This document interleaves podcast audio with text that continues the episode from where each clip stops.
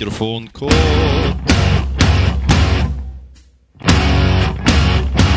Mikrofonkort. På tal om Open Fire. På tal om snygga övergångar. Ja. Det här är ett försök till ett specialavsnitt och det... Har redan ballat ur. Ja. Eh, specialavsnittet ska handla om eh, Silvershare som har varit upp en och en annan gång i den här podden. Eh, och vi tänkte göra så att vi, vi kör en liten introduktion här. Där vi ska prata om vad Silvershare har betytt i våra liv och hur de har kommit in i våra liv. Och sen ska vi dra igenom alla skivor, lyssna igenom alla låtar och prata minst 10 minuter om varje låt. Åh, nej, nej, nej. bra. Vi ska, vi ska bara snacka om skivorna och så lyssna på en eller max två låtar från varje skiva. Och snacka om skivorna. Så att, eh, vem vill börja om introduktionen till Silvershare? Eller hur, de, hur, hur kom ni i kontakt med Silvershare? Ja, jag kan ju börja, men jag har inte så mycket att säga kring det. För jag minns faktiskt inte riktigt. Men jag är ganska säker på att jag inte lyssnade på dem eh, när första skivan kom. Eh, däremot så är jag gan- Jag tror att det var på Freakshow som och jag varit introducerad av Nicke till, till den skivan. Eh, så att, eh, men jag, jag, jag har inget tydligt minne av när jag hörde dem första gången eller Okej. vad. Men jag förknippar den där, det där omslaget med pojken med, med dig Niklas. Så att, Oh. Är det just Freakshow du förknippar Niklas med? Eller? ja, ja. Det, det ligger något i det. Ja.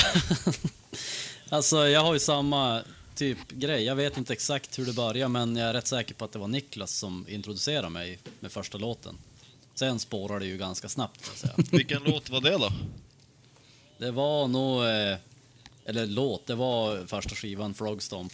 Ja. Eh, troligtvis var väl Tomorrow kanske den första låten man hörde. Eller eh, Israel's Sun. Ja, det var eh, på gymnasiet så eh, gick jag musik, alltså som ett tillval då. Jag gick ju bild som var programmet då, men musik som tillval och det var en kille i samma ja, klass eller vad man ska säga. Som, eh, ja men ha, du gillar grunge-musik, har du hört Silverchair? Nej. Nej okej, då måste vi kolla in dem. Och så berättade han lite grann om, han visste ju förvånansvärt mycket om det här bandet, han gillar ju som inte sån musik egentligen. Men eh, då berättade han liksom kortfattat historien om Silverchair och att de spelade in den här Frogstomp. Och sen efter det så hörde jag Israel Sun någonstans, om det var på MTV eller något sånt där. Och såg videon där. Och sen, sen var det som... Ja. Då var det kört. Sen var Ja. ditt liv förändrat för all framtid. Nej, det var det inte. För eh, jag... Ja, det, det får bli en lite senare diskussion i den här diskussionen. Men eh, det var så jag blev introducerad i alla fall. Frogstomp, Israel Sun. Ja, jag vill inte börja för att jag vet inte riktigt hur jag hittar dem heller. Jag tänkte att, jag tänkte att någon av er skulle kanske säga det. Ja, vi har ju fått det från dig, så att, eller Ja, oss. Och det är ju inte bra. Eh, Inte bra. nej, men... Ja, ah, nej, jag, vet, jag har faktiskt ingen aning hur jag hittar dem då. För jag trodde att det var någonting att vi hade hittat tillsammans på något sätt, någon av er. Alltså Niklas och Joel, ni var ju Silvershare-killarna Jo. nummer ett när man... Eh, när jag hängde med Tom där eh, back in the days. Mm. Han var ju också som en eh, Silvershare-älskare. Men eh, ja, jag, jag trodde att ni hade som hittade dem tillsammans också. Det var min... Ja, men det, det jag kan minnas var, det var att eh, det här var på gymnasiet. ja. Då hade vi internet på skolan. Och då, då, då kunde man ju surfa och hitta musik. Och det var på så här förskräckliga mp3er. Alltså riktigt dålig kvalitet. och, och, och eh, Fanns ens MP3 på den tiden? Det kanske det gjorde. Ja, Det var vav, Jo, men det var, det var ju där. Napster började någonstans. Ja. I så fall måste det mö, sluta ja, det är gymnasiet. möjligtvis att det kunde vara WAV-filer också. Men det var inte bra kvalitet i alla fall. Nej. Eh, det var riktigt uselt. Och då laddade jag ner dem där och jag tror att jag brände ut dem på skiva och sådär. Eh, men grejen var att samtidigt, minns jag, så upptäckte jag Bush. Och i början så kun, hade jag faktiskt ingen aning, för att man laddade, laddade ner dem och brände ut på skivan och sånt där. Och I början hade jag faktiskt ingen aning, bara, är det här Silverchair eller är det Bush? Rätt lika röster faktiskt. Mm. Men jag vet att de där två har jag också känt som att de hänger ihop.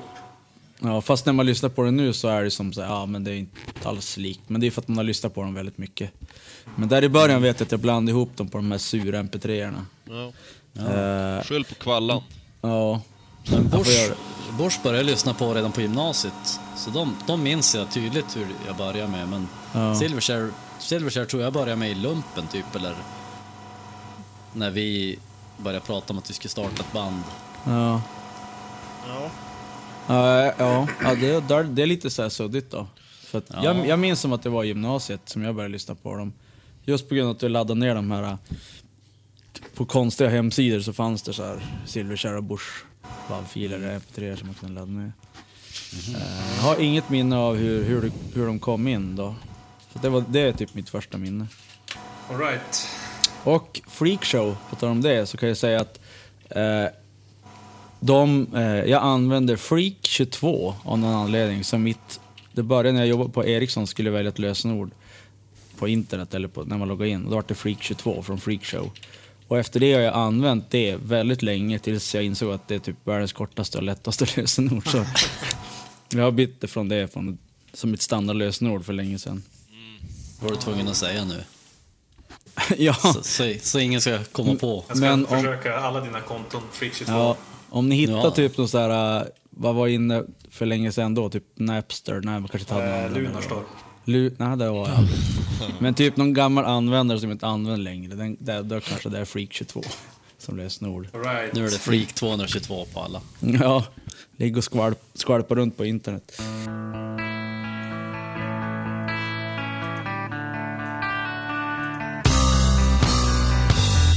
It's 12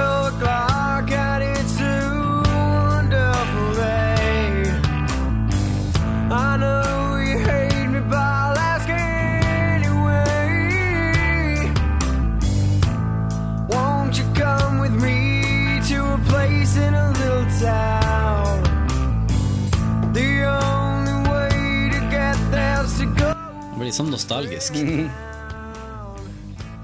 There's no bathroom and there is no sink. The water out of the tap is very hard to drink. Very hard to drink. Vad tror du det är för? Är det hårt eller mjukt vatten han pratar om? Ja, precis. Det är hårt att dricka så. Det är hårt att dricka. Alltså.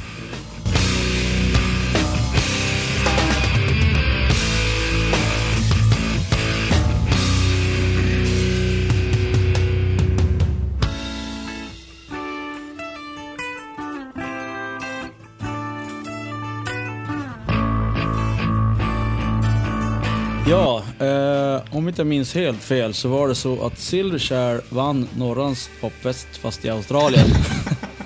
Ja, Exakt. Det, det stämmer. ja, Södrans popfest. exakt. Eh, och de var typ 16 och sånt där eh, år. Eh, och Frogstomp, de, skivbolaget ville inte ha några bilder på dem för att de såg så unga ut och det skulle inte sälja. Bara, vad fan är det för fjortisar typ? Eh, Då tar vi en grodjävel ja, istället. exakt. eh, och Men var det den här låten de vann med då? Ja, eller? jag är ganska Okej. säker på att det var den här låten som var som, ja. Om, ja. Ja, det var det. det, det kan ju vara så att eh, den här, eh, på Spotify finns det ju den här eh, single version. Det kan vara kanske att det är någon sorts, att det var den de vann med.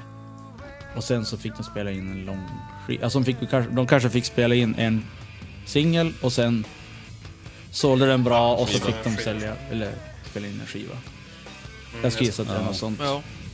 Eh, och... Ja. Jag måste fan... Ja, så vad ska vi säga? Eh, ja, det, det, jag lyssnade ju på den här skivan eh, nu för en vecka sedan. Och det jag tänkte på att det är inte så jävla bra producerat. Jag, jag tänkte faktiskt precis jag också när jag lyssnade på det att det är ganska Ja, dåligt det- producerat och det känns inte som att de är sådär skittajta heller. Nej, Nej, inte på den skivan. nej, nej. Den är rätt, den är Ja, rätt den är rätt. Men jag tror just att det var ju... Mm. Det var just, de hade vunnit en sån där och så var det, det deras första skiva, det är inte så konstigt det Ja, är ingen de hade ju själva ingenting Nej, att säga exakt. till om. Men, jag tänkte säga det som är extremt imponerande, det är två grejer. Dels är de typ 14 år gamla på den skivan. Och dels så hade ju Daniel Johns en halsinfektion när han sjöng in Jaha. den skivan. Så han, han fick ju bara sjunga på typ så här 30% eller någonting. Oj. Och, och det är ju helt stört när man lyssnar på sången. För det är ändå typ sången som är det bästa på Ja. skivan. alltså mest imponerande. Jo, han låter ju ansträngd förvisso, men det är, det är ju hans sångstil på något vis, eller var åtminstone de första tre skivorna. Ja. Men eh, ja, jag vet, man vet ju inte hur mycket sanning det ligger i det, men det är vad jag har hört i alla fall. Att han var, Okej, ja, det gör det, hade ju, någon sorts... det gör det ju hela mycket mer intressant i så fall. Om man ska Ja. ha 70% mer och, och lägga, lägga till. Den får, vi får väl eh, helt enkelt spela oss igenom och utröna sanning sen. Ja, exakt. Okej. Är det någon som har någon så här... äh, När ni lyssnar igenom det här, var det någon som fick någon så här överraskning eller någonting? Eller var det bara, okej, det här har jag hört tusen gånger. Alltså för mig är det så här med Frogstomp. I och med att jag som jag eh, inledde med så blev jag introducerad under Freakshow-skivan. Ja, så den här har jag som inget större så här, nostalgiskt värde. Jag har ju lyssnat mycket på den i efterhand. Eh, men det är inte så här... Ja, så jag lyssnade på under den tiden och som var då man upptäckte den. Det är ofta det som ger nostalgin. Mm. Så jag, har inga liksom, större relationer till Frogstomp. Nej, men det är, du, du kommer ju alltid in på den här äh, lite andra skivan som är mer polerad. Ja, det känns som min grej. Det är- som, som är det är Bad som din Religion. grej. Men eh, ändå, du har ändå gått tillbaka och lyssnat på den mycket. Självklart, absolut. Var det för, det var alltså för låtarnas eh, inneboende kvalitet, inte, inte för produktionen? Nej, precis. Eh, Men sen så tycker jag att, ja, vi kommer väl till det i och för sig sen, men jag tycker inte att den är... Det är inte som vissa band har ju, deras första skiva är fruktansvärd. Eh, Alltså verkligen garage-låtar. Det här är ju ändå producerat. Visst, det är mycket ruffigare, men det är Ja. fortfarande bra och det är bra låtar. Inte lika bra som sen, men. Nej. Nej, och man hör ju Alltså- också att det är ju, de är ju bra musiker så att... Ja. Men det som slår mig med den här skivan, nu när man går tillbaka och lyssnar på den, jag tänkte inte på det från början, men nu så kan jag tycka att den är så enormt eh, enkel. Alltså det är typ en gitarr, en bas och trummor. Jo. Det är jävligt Så är det, in, det är inte särskilt avancerade riff eller någonting. Nej. Det är ju sköna riff, men det är ju väldigt simpla grejer. Jo. Ja, exakt. Den Om man är ju... jämför med vad som komma skall. Ja. Eh, Det som eh, slog mig var att jag tycker att det är extremt influerat av Nirvana på den här tiden. Alltså där har jag aldrig förstått. Jag, jag hör som inte riktigt Jo, jag tycker att man hör det väldigt Alltså, man- tydligt. Man hör det på hans sångstil. Inte att han Precis. låter exakt som honom, men man hör att han vill frasera och uttalar som honom, alltså som Kurt Cobain då, och sen är det bara att titta på hur han ser ut också. Och hur han rör sig Ja, på scen jo. också, och hela den biten som i förlängningen blir ju som... Men, Han har, eh, för, han har förnekat det i en intervju som jag läste, att han är hans, eh, inf, hans stora eh, influenser sångmässigt, det är eh, Chris Cornell, Lane Staley och eh, Eddie Vedder, men han nämner inte Kurt Cobain, så jag vet inte. Who knows? Och de pratade även där i början att de, deras influens, musikinfluenser var kanske inte så mycket grunge utan det var mer 70-tals... Han hade hittat så här sin farsas gamla Black Sabbath-skivor och sånt där. Ja, kan det säkert vara så. Ja, men det kan ju vara så att man bara är influerad av tidens anda generellt. Ja, att eh, ja. både Nirvana och Silverchair har influerats av samma band. Ja. Alltså från olika håll. Liksom. Men det är ju, oavsett influenser så är det ju melodisk, eh, rak och enkel rock liksom. Även om det är 90-tal eller hade varit 70-tal så. ja, rak och enkel tycker jag inte, om det är rak och enkel för mig det är ackord. Det här är ju mer riff och Ja, men det är ju... ra, rak i den andan av att det är en gitarr och en bas och Ja, ja, som, ja, kör, okej. som kör rakt liksom. Men, Men men, det jag kan säga vars, vars han inte är influerad av Kurt Cobain, det är i sina texter. För det här är ju, det här är ju barntexter. Ja. Medan Kurt Cobain, det är ju någon sorts, jag vet inte typ vad, man att- förstår ju ingenting oftast. Ja. Hällt ut en psykedelisk tavla på ett papper ungefär. Så. Ja. Men de här texterna, alltså i alla fall på första skivan är det ju extremt tydligt att han har inte så mycket livserfarenhet den här killen. Nej, Han, skri han skriver ju bara om så här breda eh, koncept liksom. Ja, men folk som har blivit misshandlade när de växte upp och sådana saker. Så där som såna här, eh, vad ska man säga, Lob, lobbar. Alltså han smashar på lobbar. ja. Det är, inte, det är inte så mycket egna erfarenheter så här, som det kom senare. När han började sjunga om sin anorexia och sånt. Ja. Men det jag tänkte på när jag hörde på den här skivan, det var att när Suicide Dream kom igång, då bara åh, alltså plinket i början. Det är fortfarande så här, uff. Fick lite stånd av det. Jag tänker också att Suicidal Dream känns ju, nu vet jag inte hur mycket som ligger i det, men den känns ju ganska utelämnande om det nu är en egen, egenupplevt. Ja, det är möjligtvis den låten på den här skivan som skulle kunna vara egenupplevd, tror jag. Eh, och sen så tänkte jag, när vi kom i slutet, eh, vad heter den, Cicada. Då bara, åh, det här var som... Jag hade som glömt bort den här låten. Är det den där uh, one, two, three, four? Alla räknar in tillsammans. Typ det gömda Eh. spåret.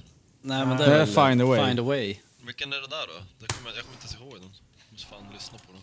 Cicada, det är väl Growing Up, It's like a civil Ja. war. Ja. Jag är ganska säker på det. Men undecided, det är föräldrarna som inte vet om de ska skilja sig eller gifta sig. Eller om de ska ha hårt eller mjukt vatten när de brygger kaffe. Ja, exakt. Mörkrost eller mellanrost, Ja. vi vet inte. Vi måste nog skilja oss. Men eh, det, det är ju två år mellan varje skiva. Näst, alltså de tre första skivorna kom med två års intervaller.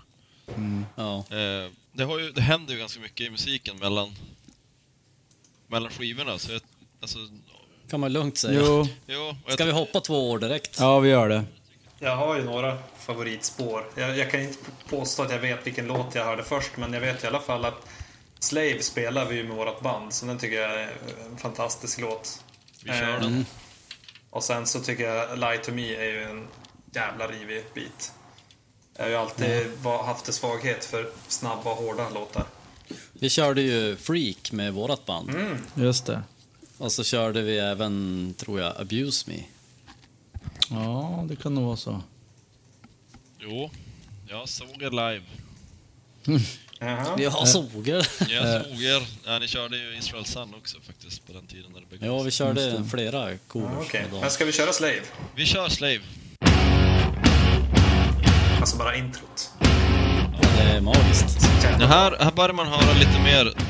Alltså på den här skivan finns det mycket mer om man jämför med första. Dissonan, dissonans. Och så ne- det där, ned, alltså nedslowningen. Taktning. Ja.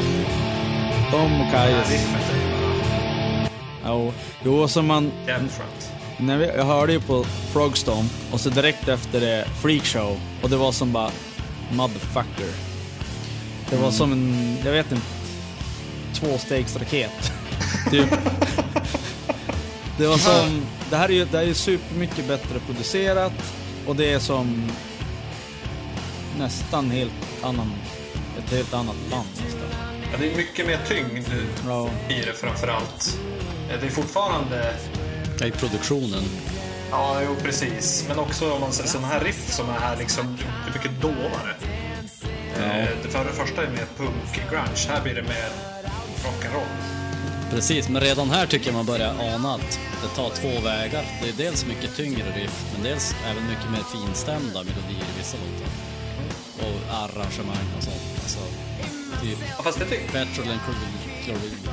Det minns jag att du sa Johan, eh, för länge sedan. Vi pratade om det här, för det här har vi pratat om flera gånger. Tyvärr har vi inte poddat allt, men... Eh, nej men, Nej, det du sa, största skillnaden mellan Silverchair, nej, mellan Frogstomp och Freakshow, det var ju att eh, melodierna här är ju mycket mera, vad ska man säga, levande. På den andra var det mycket entonigt och så här. Här, på den här är det mer levande. Det finns, Ja. finns en annan uppenbar skillnad också. Och det är ju att på den här skivan så börjar de orkestrala arrangemangen komma så smått krypande. Ja, ta in, ta in andra instrument är bara basic. Ja, Men tycker jag det, det är faktiskt i väldigt liten utsträckning, tycker jag. Alltså, Ja, alltså det- det är bara- Det kommer komma. Det är Men- knappt, det är knappt en kryddning alltså. Det Ja, är, precis. det är fortfarande, det är typ, det är typ Frogstomp med lite fi, alltså fioler på, typ så. Cemetery är det ju väldigt... Men det, visst, Om jag, Jo. det känns ju som att det känns som att det var den här skivan då man insåg vad eh, typ en cell Ja, kan göra exakt. för hårdrock. Men det är ju, man vaknade Ja. det. det är inte så många spår som har orkestrala arrangemang, utan det är ju Cemetery och typ. ja, exakt. Det är, det är inte inblandat i så många låtar, men, men i Nej. någon... Utan där känns det, där känns det ju på den här skivan som att okej, vi har en rockskiva, men vi har en lugn låt och så testar vi göra lite Ja, cello och klassiska. saker på den. Ja, precis. Att, det bara ska Sen vara i vissa det hus i låtar. helvete. Nej, men intressant så. Jag tycker det var intressant det du sa Joel, att det är verkligen två olika parametrar. Det är liksom, de tu- tunga låtarna är mycket tyngre. För så även Ja. så Light to Me till exempel, så de hade ju ingen sån snabb och tung låt på första skivan. Eh, och de lugna låtarna, eller de experimentella låtarna är mycket mer experimentella också. Ja. Mer av allt kan man säga. Hela, hela skivan Mer känns mer som ett... Liksom, de vågar ta ut svängarna lite mer på alla sätt. Experimentera. Eh, Men är det någon som även- tycker att den här, eller att Frogstomp är bättre? Jag, jag tycker det. Okej. Jag tyckte det förr, men jag har bytt sedermera. ja, jag tror nog att jag, Ja. att jag gillar Freakshow mer faktiskt. Men jag tycker det är bättre, bättre, bättre låtar helt enkelt på Frogstomp. Jag tycker att det, det känns... Ah, det är flera låtar som bara låter konstigt tycker jag på Freakshow. Men det är fortfarande en bra platta. Mm. Ja, men då säger jag så här. Jag gillar även hur de införde lite mera på i alla fall ett spår, jag vet inte om det var mer, men No Association. När de införde lite mera, alltså hardcore eh, kryddning. Det är Ja. inte mycket, men, Jo, men det här skrikelementet, Ja, exakt. Är ju, det kan ju göra magik i, i mycket. och det var inget skrik Eller, på eh, Frogstomp va? Nej, inte sådana skrik. Nej, jag tror inte. Eller learn, då hade han ju halsinfektion. Ja, just det. Men eh, Learn to Hate, där har du också, refrängen där känns ju ganska HC-influerad. Ja, Alltså det, precis. när det, och det, han gör det också väldigt bra, måste jag säga. Ja, fast jag gillar inte när det skriks en hel refräng. Jag gillar, jag gillar det här lilla, eh, bara när det kom ett skrik så här. eh, för, Övergångssång. att, för att förhöja. Ja, precis. Övergångsskriket. Eh, sen hade de ju den här Pop Song for Us Rejects, det är ju en riktig poplåt. Men den är ju den är Mm. riktigt bra också. Där har du också stråkar. Ja, den är riktigt Mm. härlig. Och så är det Petrol sen- and Chlorine där de har en sitar va? Ja, det är lite indiskt. Ja, Precis, lite det är ju faktiskt jag som älskar sitar, men det är den enda låten jag inte gillar på den där skivan. Aha, okej. Nej, men den är ju en som sätter sig verkligen, tycker jag. Den, den sticker ut. Det är väl det. Ja. Ehm, Men det här med att han bara skulle sjunga på 30% av sin förmåga, för det, det, det synar jag. För att jag tycker inte att hans röst har utvecklats så mycket mellan de här två skivorna. Det, det, för nu har vi ju pratat om massor med saker som har ändrats här, men det är ingen som har nämnt att oj vad mycket bättre han sjunger.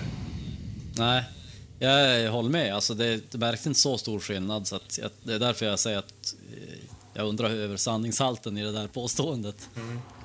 Men kan det vara så att det var 70 procent? Ja, så att så de kan hade bara vara. 30 procent som saknades? Det är kanske är svårt Det kan att vara- veta exakt Ja. matematiskt. Det kan ha varit 72 Ja, procent.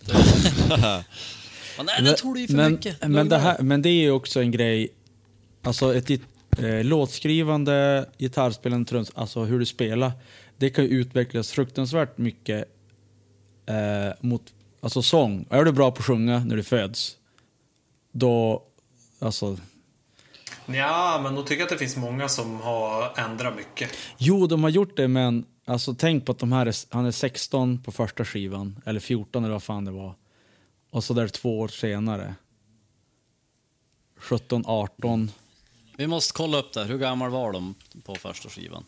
92, Någon som har. 92 s- ko- startades eh, bandet och 95 kom skivan. Nu låter långt borta igen Tobbe. Ja, Ja, 92 startades bandet, 95 släpptes första skivan. Och hur Ja, gammal är, gamla? är de då? Ja, det är bara att googla. Han är född 79. Nej, han är, han är 79 precis, så att... eh, Okej, då var han 16 på första skivan. 16 Var det och inte lika Freakshow kom 90, 97. 97. 18. Inte särskilt imponerande. ja, Tappar dem. Ja Nej men eh, okej. Med 18 bast här. Han var ju så pass bra på att sjunga redan på Frogstomp. Så att Jo. och steget, det är kanske är svårare att höra steget också.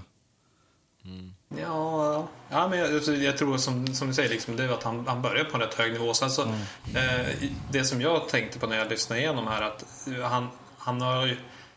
Eh, han försöker ju ha en sångstil. Alltså, det känns som att det är genomtänkt att han ska sjunga så här. Han sjunger bara inte naturligt utan det är ju det här lite hesa, ansträngda eh, Det- rösten. Det min, Och Ja. det, forts det, det fortsätter ju även här på Freakshow. Man skulle kunna tänka att han skulle våga sjunga renare.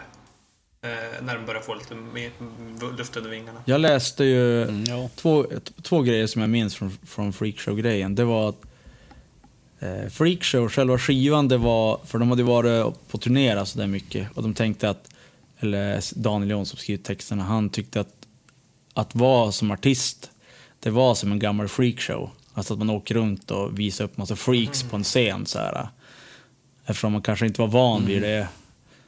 Och, och sådär. Eh, och sen att på Frogstomp sjöng han, eh, han har ju en ganska hög ton, sin, sin grundton är ju ganska hög. Att på Frogstomp så sjöng han i sin grundton, men på Freakshow så ville han sjunga lite lägre. Och på Neon Ballroom så gick han tillbaka till att sjunga sin grundton. Mm, Okej. Ja, men det kanske stämmer att det är lite lägre tonart. Ja. Den här minns jag videon. Eh, Ja, den har jag spelat in på också. något VHS-band någonstans. Eh, jag minns när de pratade om det, om videon. Eh, typ att, eller om låten. Nej, om videon. Och då var det att låten har ju så här stråkar och sånt, så den är mer, då sa han så här att den är mer eh, cinema... Eh, ja, alltså det är mer, mer film, filmisk känsla i låten. Och, och, och då i videon ville de ha lite mer filmisk version också, så de hade tagit någon, någon riktig filmkille för att göra videon. Och jag minns på att han, han satt och upp, upprepa typ filmisk typ hela tiden. Han, han märkte det Ja. också bara. Ja, det blev mer filmiskt.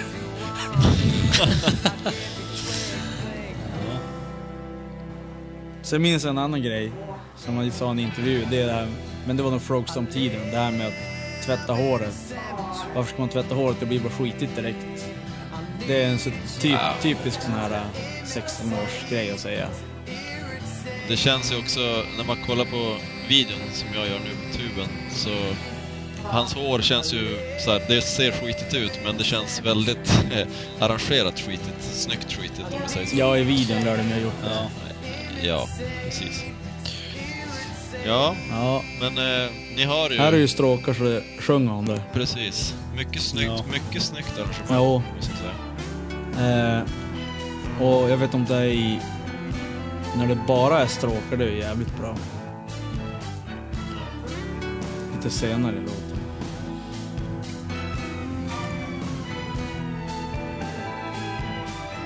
Men här tror jag faktiskt att ehm, det är inte säkert att de har suttit och skrivit stråkarna.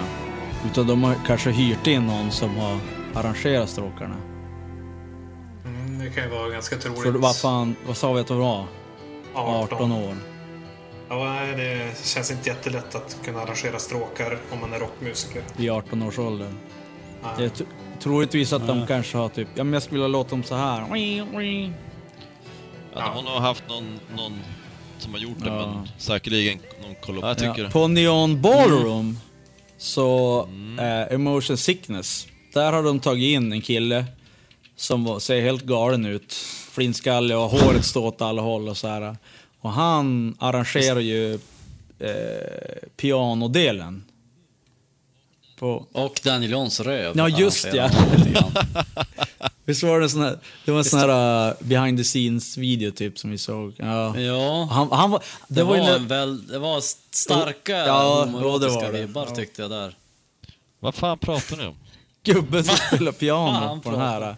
Han ville ju göra saker med? Daniel Johns. Vadå, snackar ni skit eller är det på riktigt? riktigt. Det det? på riktigt. Men- Och vi kommer återkomma till det här i, i, på en senare skiva också kan jag säga. Jaha, mhm. nu ser man. Ja. Eh, ja, eh, Neon Ballroom. Eh, nu ska jag... Ja, Kom nu minns... 99. Ja, och det kan ha varit den här skivan. Jag tror det. Eller var det... Jag tror det. Men på den här tiden så var det inte så att allting släpp, eller det släpp, ingenting släpptes digitalt. Eh, och eftersom det är skivor så ska det tryckas upp, det ska skickas runt i hela jävla världen. Och jag minns att eh, de skulle släppa den här i Australien typ då och då datumet. Och så skulle det ta x antal månader innan det kom till Sverige. Och så sitter man och läser på internet. Man kunde läsa på internet men man kunde inte komma åt det på internet. Och det var, ju- det var en plåga måste jag säga. Jag, min, jag minns hur jobbigt det var. Jag bara, alltså varför släppte de inte skivor över hela världen samtidigt? Men minns du hur du fick tag i skivan? Nej, Eller hur du fick höra den? nej. Jag tror att det var så här. Jag är inte hundra. Men jag var ju i Kanada när den skivan släpptes. Och jag köpte den där. Och jag tror att det var innan den släpptes i Sverige. Så att jag kom hem med den där skivan. Och då var det klang och jubel. Men den här skivan tror jag att jag kom hem med. Och, så att du, du fick höra den innan den Ja släpptes men i så Sverige. kan det nog vara. Var det när din gitarr gick sönder? Du köpte din Ja. elgitarr i Kanada också samtidigt va? Just det. Exakt. Så pajar den på flyget. Eller de Just caset. Ja, det, det här... I här- det här är ju magik. Här, här kastas Ja. man ju direkt in i orkesterns Ja. värld. Och här kan man ju höra att han sjunger på ett sätt som han aldrig gjorde på de första två skivorna. Exakt den här... Nej, uh, precis. fruity. Ja, Fruity. men det, Exakt. det har... Här hörs det att det, han har blivit smekt av en gubbhand. Alltså. Det hör du på lenheten i rösten här. Ja. Nu har han hittat sin feminina sida. Ja. Inte rent. Inte rent. Men jag tycker det känns som ganska ofta att det är så med rockmusiker att det, det tar ett tag innan man vågar sjunga så här mjukt. Ja. Så är det Ja. väl med Dave Grohl och många andra också. Man börjar med att skrika och sjunga hårt. Ja, det gjorde man ju själv Ja, också. precis. Så det kan man ju känna igen sig själv i. Nu sjöng man ju lent som en jävla gräddfil. Ja, lenheten kommer med åldern. Nej, men det, det här är ju verkligen... Om det hade varit så, Så att han nu- hade halsinfektion på de två tidigare skivorna, Ja, då skulle man kunna tro på det. han är frisk nu. Ja, han är han Nu är frisk. det, nu är det något helt annat. Men det här är falsettgrejen, jag vet inte om ni har kommit Ja. till det nu, men Ja. det är ju Ja. fruktansvärt Så, bra. det är magik. Jag har själv eh, faktiskt via den här skivan eh, så, så vågar man börja testa på alltså falsettsång som en krydda i hur man sjunger. Så, eh, kan verkligen förhöja jo, på absolut. ett bra sätt. Ja. Eh, nej men det... Men nu, hur tycker ni, eh, vad slänger ut frågan, hur tycker ni att det funkar då? För här är det ju mer en balans mellan, nu är ju inte orkestrala arrangemangen, de är ju inte krydda, de är ju en del av, av hela konceptet här den här skivan, hela musiken. Men hur tycker ni att det funkar, den där eh, balansen? Den är, Att den det, är väldigt... Alltså motion sickness är ju den ultimata blandningen mellan rik, alltså, man säger distade gitarrer och stråkar, tycker jag. Och piano. Ja, alltså klassiska instrument. För att, men de här grungiga, om man kan säga så, riffen, de är ju som inte kvar på samma sätt. Nu är det som bara ja exakt. Precis. Och det är inte de här... Nej, det är ju ingen Israel Sun den här skivan direkt. Jo. Eller nja. Ja men alltså, det finns ju jag hårda menar med låtar ri- ri- på den här skivan också. riff, riffmässigt. Ja, riffmässigt är de ju helt i en annan värld nu. Men om man tar Israel Sun som är driven av det riffet, huvudriffet. Du, du, du, di, det finns ju som inte... Alltså, den typen av signum-riff finns inte Nej. Ja, det är ju Anthem i så fall. Ja, där, jo. Där är det ju verkligen Ja, ett men det är, väl, riff. det är väl också den enda låten på skivan som jag tycker är det gamla Silverchair också. Ja, Alltså, kanske. där kan man ju höra vibbarna från Freakshow-tiden. Eka. Ja, ja, exakt. Jag tror, jag tror delvis det var därför de valde den som singel Ja. också. För att, för att man skulle känna igen, Precis. safea lite. de gamla skulle känna igen. Ja, jag tycker att många band gör att, eh, kanske inte alltid singel, men nästan alltid första spåret brukar vara i den gamla stilen, det vill säga rockigare. För alla band blir alltid lugnare och tråkigare. och så bara, ja men vi, vi vågar inte skrämma bort dem. Så vi tar vår mest gamla stillåt först. Sen kommer det med nya. Eh, men jag minns Anthem från year 2000.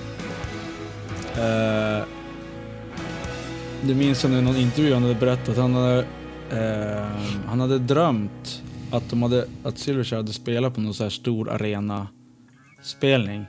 Och att det här... Eh, nu vet jag, vet jag inte om det var så att han drömde hur riffet skulle vara. Eller om det var att han fick, han vaknade upp och så bara Åh, jag måste köra en arenalåt. Och så gjorde han den typ så här. Typ, typ, typ. För det är ju verkligen... Alltså, ja nu skulle jag ju lyssna på den. Men Ja, den, den är ju uppenbart Ja, gjord för exakt. arenaspelningar. eh, för på den här tiden tror jag inte de, de spelar inte arenor. Om de kanske aldrig har gjort det jag vet inte. Men det här kanske vi har haft upp eh, tidigare i podden, men alla vi fyra har ju skrivit musik. Tänk ni ibland att den här vill jag skriva för det syftet, typ.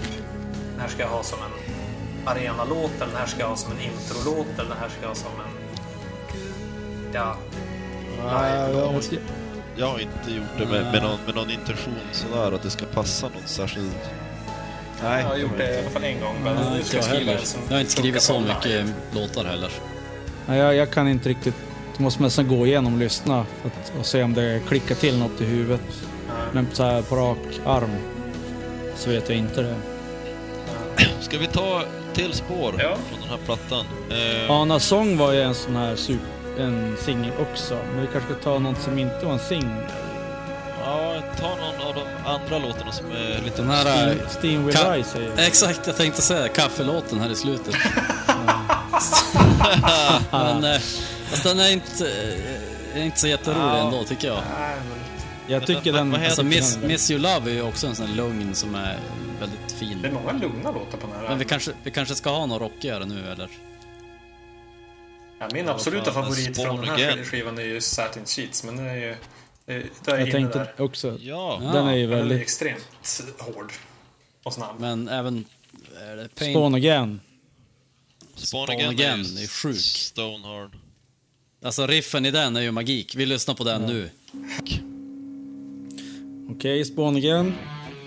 Eh, det var ju... De gjorde ju en singel till filmen Spawn. Ja. Just det, Men, det stämmer. men och jag, nu minns inte exakt vad men jag tror att det var så här att de gjorde först en singel som inte... Undrar om det är på Freak CD-singel? Nej, det är det inte. Nej, jag, Den kom ju väl... Den kom ju innan den här skivan. Alltså, jag tror att de gjorde... Så här tror jag att det var. Jo, så här är det. De gjorde en singellåt, eller en låt bara, till filmen. Och den låter lite annars mot den här. Det är därför den heter Spawn Again. Ja. Och den är ju, ja, den är ju sönderproducerad åt helvete. Den låter ju inte ens som Silverchair. Den här tänkte du eller? Nej, alltså den som var i filmen, det hör man inte ens att det är Silverchair. Nej, jag minns inte. Det är lite lustigt att den här texten är ju väldigt så här, vegansk. Jo, Det har liksom ingenting med filmen att göra. nej. Men det var väl bara för att den hette Spawn, låten. Det, Nej, jag tror inte den hette... Ja, nej, Det jag, jag, låter som att den skrevs till filmen. Jag tror att den skrevs till filmen. det. Alterna- Alternativt att så här, ja, ni, vill, ni, ni får göra en låt i den här skivan. Eh, den måste vara lite rock'n'rollig, för det är den värsta rock'n'roll-filmen. Okej, men vi har, vi har påbörjat den här. Så kan det ju vara. Men är det inte också att den heter Spawn Again? Är inte också en så här anspelning på att För de sjunger ju om att man föder upp djur för att slakta dem och äta upp. Och så spawn again, spawn Nej, again. Spawn, den heter bara Spawn Again för att tänk, det här är en annan version av Spawn-låten. Alltså Spawn 2, fast på ett roligt sätt. Men jag tänker att det kan vara dubbel Jag är mening. 99% säker säker. Att det kan... Äh, Ja, det kan det, kan, det, kan det nog ja. vara. jag, jag är nog lite mer inne på Joels spår där. Att, det- Jag att tror det både, är hint till båda vad låten handlar om. grejerna är lika sanna, tror jag. Alltså, att... eh, Alla är vinnare. Jajamän. Både jag och Joel får pokal. Ja, då.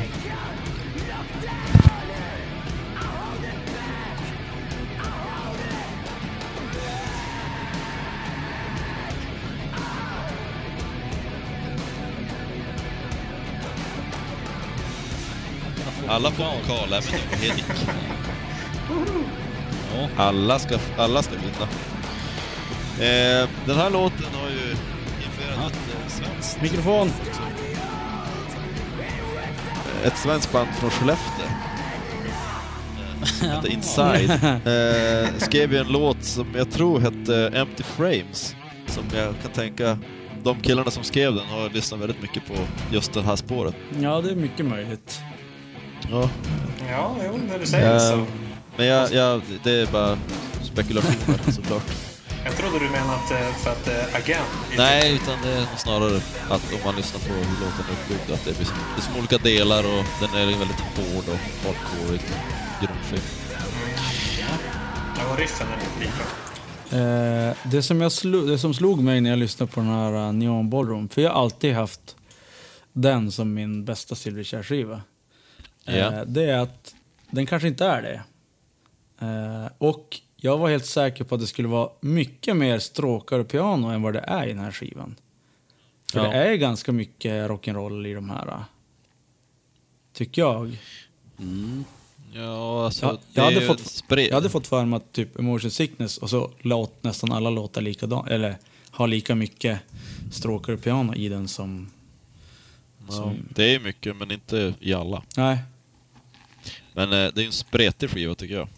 För att vara Silverchair så är Ja, jag den rätt jättespretig. Och jag, jag har faktiskt, jag höll den här väldigt högt när den kom och jag, jag lyssnade som fan på den. Det är nog den jag lyssnar mest på. Mm. Eh, men nu så här, jag har inte lyssnat på den på sjukt många år. Nu när jag har hört igenom det inför det här eh, så tycker jag inte att den är så bra. För, eh, Emotion Sickness, sinnessjukt bra låt, en av deras bästa, men förutom den så är det inte så där jättemånga som jag tycker är... Nej, alltså jag, jag i- Inte så här jätte, jättebra faktiskt. liknande upp, upplevelse faktiskt. Mm. Eh, men, ja, jo. Ja. Jo, nej, men det är väl lite grann att, eh, som vi var inne på för Freakshow, att de har gått två spår och här har de gått Ja. ännu mer isär. Eh, Så att den blir väldigt Ja, jag tycker spretig. ju att de, de låtar som är bra på den här, det är ju deras bästa låtar någonsin. Men de som, Ja, är, ja. de som inte är lika bra, de som spretar åt andra hållet, de är ju sämre än de två tidigare skivorna. De känns, många känns som bara så halv, halvklara. Alltså någonting som de skrev för att stoppa in. Det är, Ja, det, ja, jag tycker att det känns nästan som att, alltså, eh, de ville, alltså Daniel Jons ville gå åt emotion sickness-hållet, men att fortfarande även spela rock'n'roll. Eller alltså distade gitarrer och sånt. Och då blir det, då kanske det blir så här.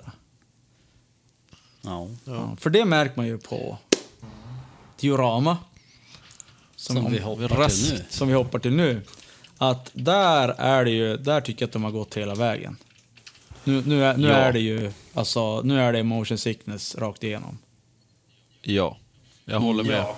Eh, här finns det väl är det, är två låtar som är lite, lite riff i. Liksom, Och det minns jag också i en intervju när, han, när de släppte Diorama, det var att han sa, ja men, för att nu, ja, nu håller jag på med den här musiken, fast ibland är det ändå att man vill stå framför, jag vet om, om ja, det, min memory burn är att han sa att, ja, man, ibland så vill man ju faktiskt bara stå och riffa framför en spegel. Eller om man, Med, med en gubbe som står och kramar en bakifrån. ja, exakt. Eh, Men jag måste bara, innan vi lyssnar på något här så måste jag bara höra. Vad var er första reaktion när ni lyssnade igenom Diorama för första gången? eh, min, min spontana reaktion var att "Vad helvete, nu har det ju nu, nu har det gått för långt med allt det här liksom, rocken finns inte. Alltså jag hörde Across the Night och så sen fick den som sätta stämningen. Men jag har totalt ändrat uppfattning kring den skivan. Men det var min första reaktion, att det var så här, det här är... Ja men släpp en kabaréskiva istället. Ja. Lite så. Ja, men jag tyckte också så. Ja, jag var ju fortfarande kvar i att Frogstomp var den bästa skivan. Så att jag, jag gav helt upp hoppet när jag hörde den här skivan. Du Jag hade...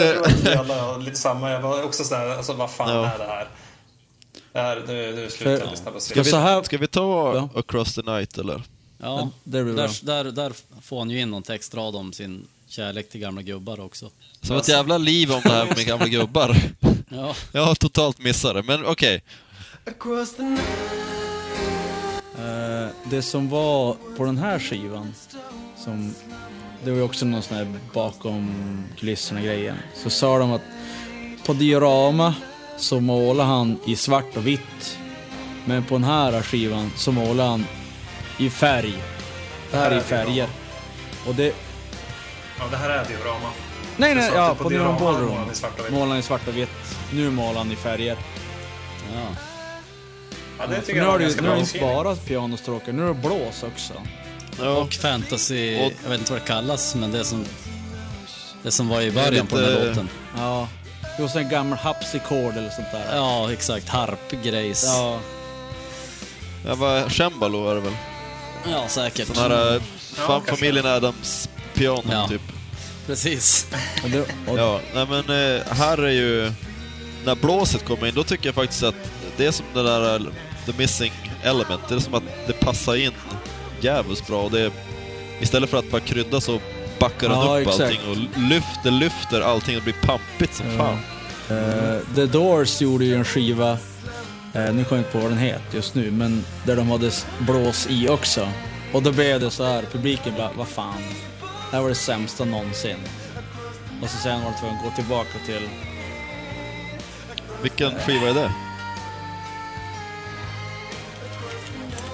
par Parade.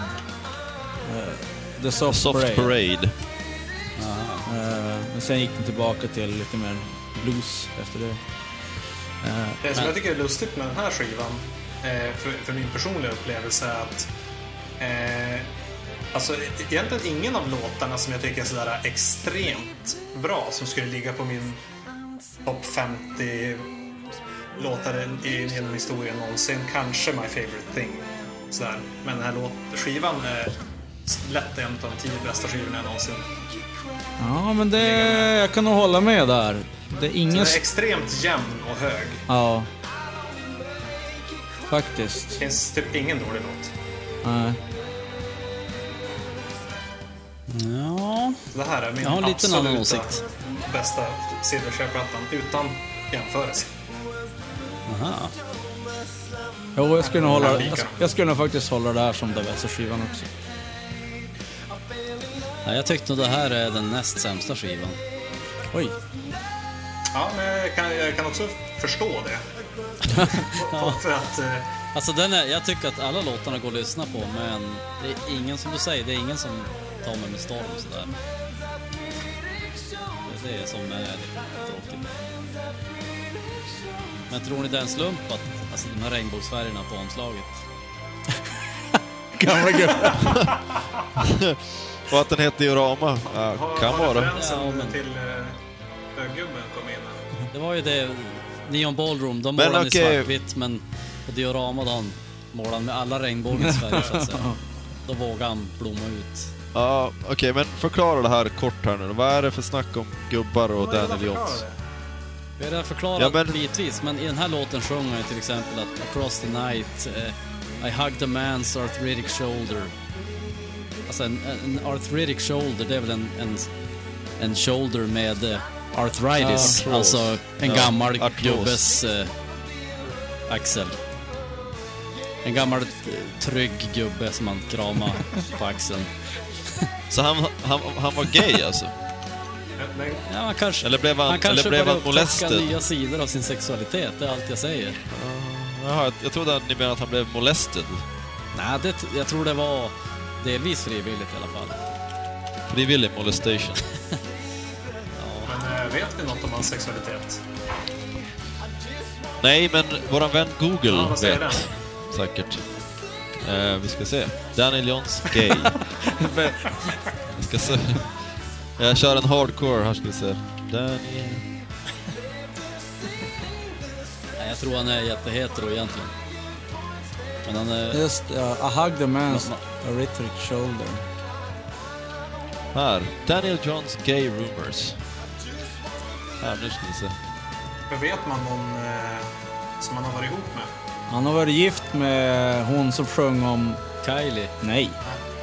Nej, vad heter hon? Nej, hon ja, Nathalie. det. Skådisen Nat Nathalie Imbruglia. Ja, en Bruglia. Nathalie Imbruglia. Ja. Ja, alla sajter jag är inne och kollar på här, de säger att det är complete bullshit. Ja, ja, men då så. Då kanske det bara var en fadersfigur han hittat Joel. Precis. Men jag tycker att det är Joel som driver på det här mest. Vad har du som... Jag har tycker Niklas sitter lika in- mycket. Ja, men det Jag var det- ändå du som ser kopplingar till titlar och Jag tror att det är regnbågsfärger önsketänkande från Joels sida. Ja, det kan Det vara. kan vara. Ska inte säga något. Ni kommer få se på min nästa skiva vilka färger det är på omslaget. Då kom sanningen Ja, blomma ut. Ja, och sen, alltså... okej. Eh, Ska en klassisk grej bland eh, rock'n'roll-skivor det är att ha en lugn låt i slutet. Det är ju lite så här, ja ah, vad fan. Men här har de ju en jättelugn låt som är... Ja, den är så jäkla magisk. Den är så jävla bra. Vad heter låten? all these years. years.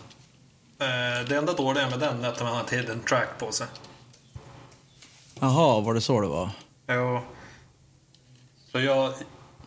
Ja, om man ska göra så här playlists och sånt, då kan man aldrig ha med den för då blir det tyst i åtta minuter. Aha. sånt är extremt irriterande. Ja, det funkar inte i moderna digitala världen längre. Det, det funkar ju på CD-skivor, men inte...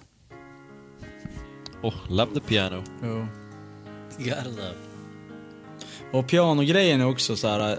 Här någonstans så vart det nästan, den var nästan lika mycket piano som gitarrspelare. Ja.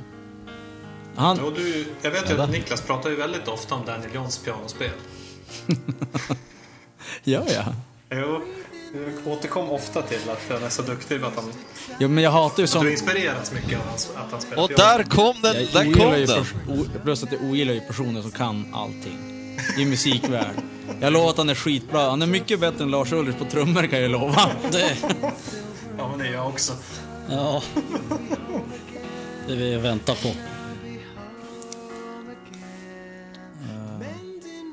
Men om vi då... Vi tittar tillbaka för en sekund. Ja. Alltså jämför den här med till exempel eh, Suicidal Dream eller eh, Leave Me Out från första skivan. Sant. Nej, Det finns ju inte sant. på denna Men eh, kan man inte bara säga, att säga någon att skulle kunna gissa att det här är samma bandet har- band om de aldrig alltså- har hört. haft en, lång, en jävligt Det är helt lång omöjligt. musikalisk resa och, och Nej, våga utvecklas jävligt mycket. Är det ett här- test? Ja, men okej, men jag menar att de har kommit, med långt menar jag att de har kommit långt från soundet De har ju på inte haft en så jättelång resa, men de har haft en väldigt tro att det är samma band. brant resa. Ja, jo. Ja.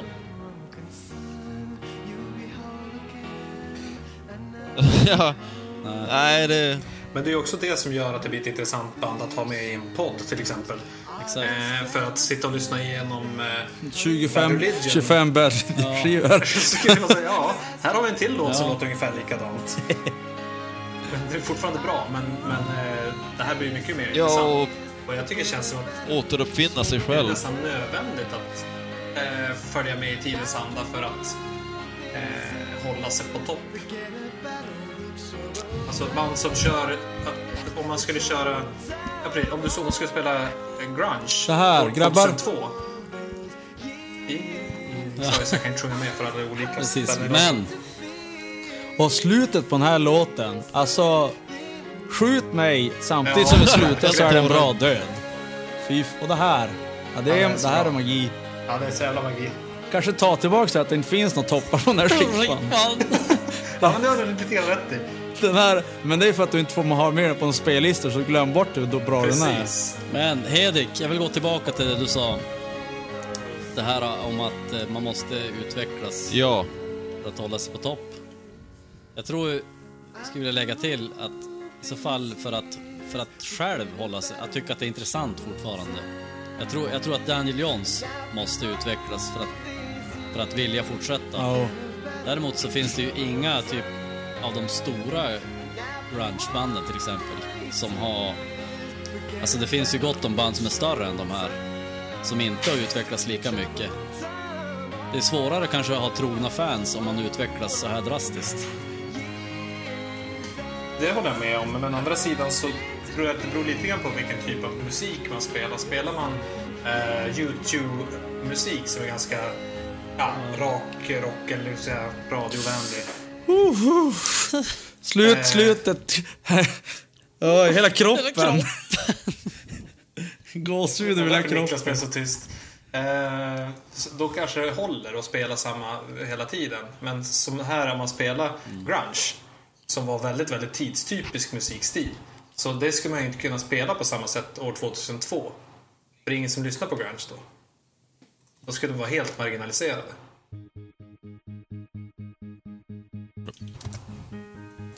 Okej, och den här skivan, alltså, Frogstomp 95, Freakshow 97, Neon Ballroom 99, Diorama 2002. Sen har vi ett långt hopp till 2007. Och det kan man ju säga att det hörs då fan att det var långa år. Må, långa, må, många år däremellan. Ja. De, de här pojkarna har hunnit lyssna på mycket musik. Ja. Speciellt... Ja, det är väl Daniel som skriver mest musik. Ja. Ja. Alltså den här låten. Alltså den här skivan är ju konstig. Men den här låten är ju fantastisk som vi var inne på. Och det, det är intressant att en så bra låt som knappt har en refräng. Eller den, den är liksom inget så här tydligt jätteklimax utan den liksom Ingen- bygger upp och så fortsätter den bygga upp och så Ja, det är ingen som är en slags Teen ner? Spirit där man bara, okej nu är det refräng. Nej. Ja, precis. Ja, exakt. kom distade gitarrerna och körsången. Ja, jag... Så jag tycker att man, man hålls som på så här, spänning hela tiden. Man bara åh, snart kommer det. Nu händer något. Åh, åh. Så är det bara så hela, hela vägen. Ja, faktiskt. Ja, Det enda som är bra på den här låten tycker jag, det är, det är introt. Det är väldigt så här filmiskt, det låter nästan som filmmusik eller någonting. Som kunna funka. Men jag tycker... Ah, det här är ju bara inte bra. Nej, jag tycker inte... Jag tycker den här skivan är skit rakt igen faktiskt. Där har tyckte den här- där har med. där har här min, min, förutom den här låten. Ja, den här, Vad sa du? Young Modern Station tycker jag Ja, är okej också. ja, jag, jag hörde på Young Modern Station just före den här podden. Och så jag bara, mm, det här är bra. Men så kom det vissa delar som bara förstör. Alltså det... Jag har ärligt talat inte lyssnat igenom hela den här skivan för att den är så dålig. Men jag, jag äger den faktiskt på CD. Men... Eh, ja, jag, nej, Men sen, sen okej. var det där. Nu ska jag inte dissa, nu vill jag höra vad ni tycker också. Jag tänker det här 2007. Joel, du hade, redan, du hade gett upp redan vid 2002. Ja, då, då tappar jag eh, känslan. Pejlen. Ja. Men sen 2007, det, har, det är ju massa långa, jag har långa år så bra tag. Eh, att de har ju eh, kom, börjat lyssna på helt annan musik också. Ja. Och jag minns när den här kom så var jag ändå så här peppad.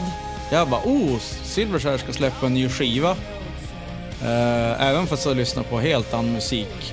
Eh, så var jag som ändå peppad och läste så här, de hade någon hemsida där de skrev vad som hände och sånt Jag där. minns att du pratade mycket om det här. Och jag hade ju själv absolut tappat peppen. Jag hade inga förväntningar. Nej. Det borde jag kunna rädda den lite grann, men det gjorde det inte Ja. alls. Nej, alltså när, när den kom, det var helt... Bara omslaget är ju som så här, what the fuck. Men redan där Ja. så kände jag bara att det här kommer inte vara bra. Och jag minns, jag minns när jag hörde den, jag bara okej, nu, nu har de lyssnat mycket på Beatles. Han, han har en helt annan, vad heter dialekt när han sjöng. Mot för de andra skivorna. Och om man sjöng, jag tror att han sjöng mer australiensiskt än, än amerikanskt som man kanske gjort det tidigare. Inte så mycket på den här låten, men på andra låtar. Vänta, vad sa du? Det bröts lite. Att han sjöng, han sjöng med en annan dialekt än vad han, vad han Jaha. gjorde på tidigare. Ja, Det har jag inte Nej, tänkt inte jag på. heller.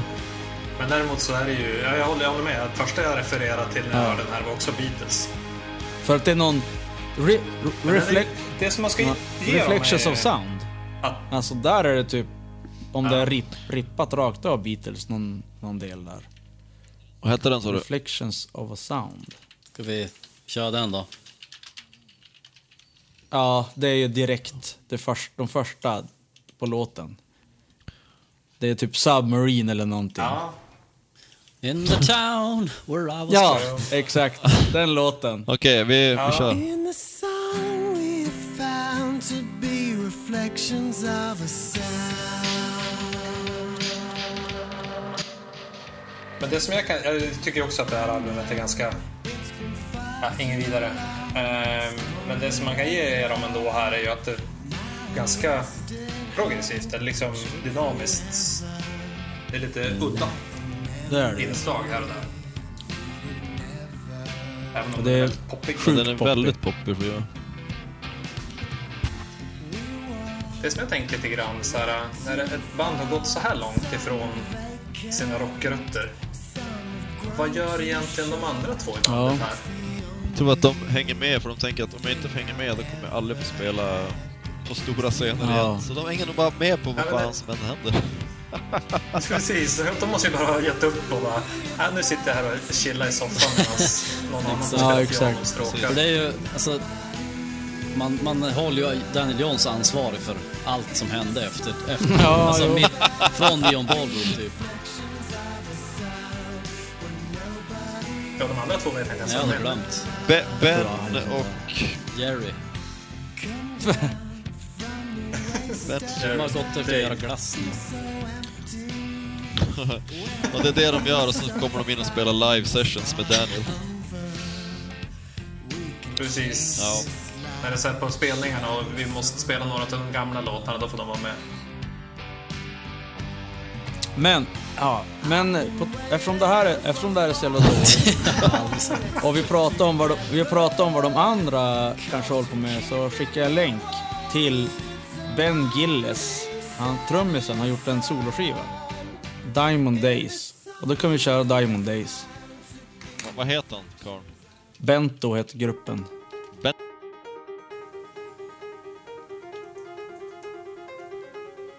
Ja, det börjar ju med piano. Och lite elektroniskt. symbolism. När kom den här ut? 2000? Got this feeling, the piece of luck I'm breathing. Ja, det är ju inte Skön direkt... sångröst. Det är inte riktigt hardcore. Han kan ju också sjunga. Jävligt skön. Diamond days, my vision of golden Däremot så kan han inte skådespela i videon. Så det är jävligt. Ja, Men, nej. men det hör ju inte hit. Förlåt, jag ska inte dissona dem. Men det känns som man är lite så här 70-tals inspiration hur han ser ut. Jo. Jo, Jaha, men om han låter så här nu, så då kanske han inte var så negativt inställd till Silverchairs utveckling. Nej, faktiskt Nej, inte. precis. jag måste säga att den här låten var riktigt bra. Är det någon som Ja. håller med? Jag tyckte Eller- att det var lite spännande i alla fall. Jag ska lyssna igenom skivan och se. Det kändes som eh, rakare och mer, eh, du vet, man hör när det är refräng. Man inte så, så mycket förut. Ja, Jag gillar inte riktigt låten, men det, det känns mycket YouTube Jo. tycker jag. Ja, det, det gör det.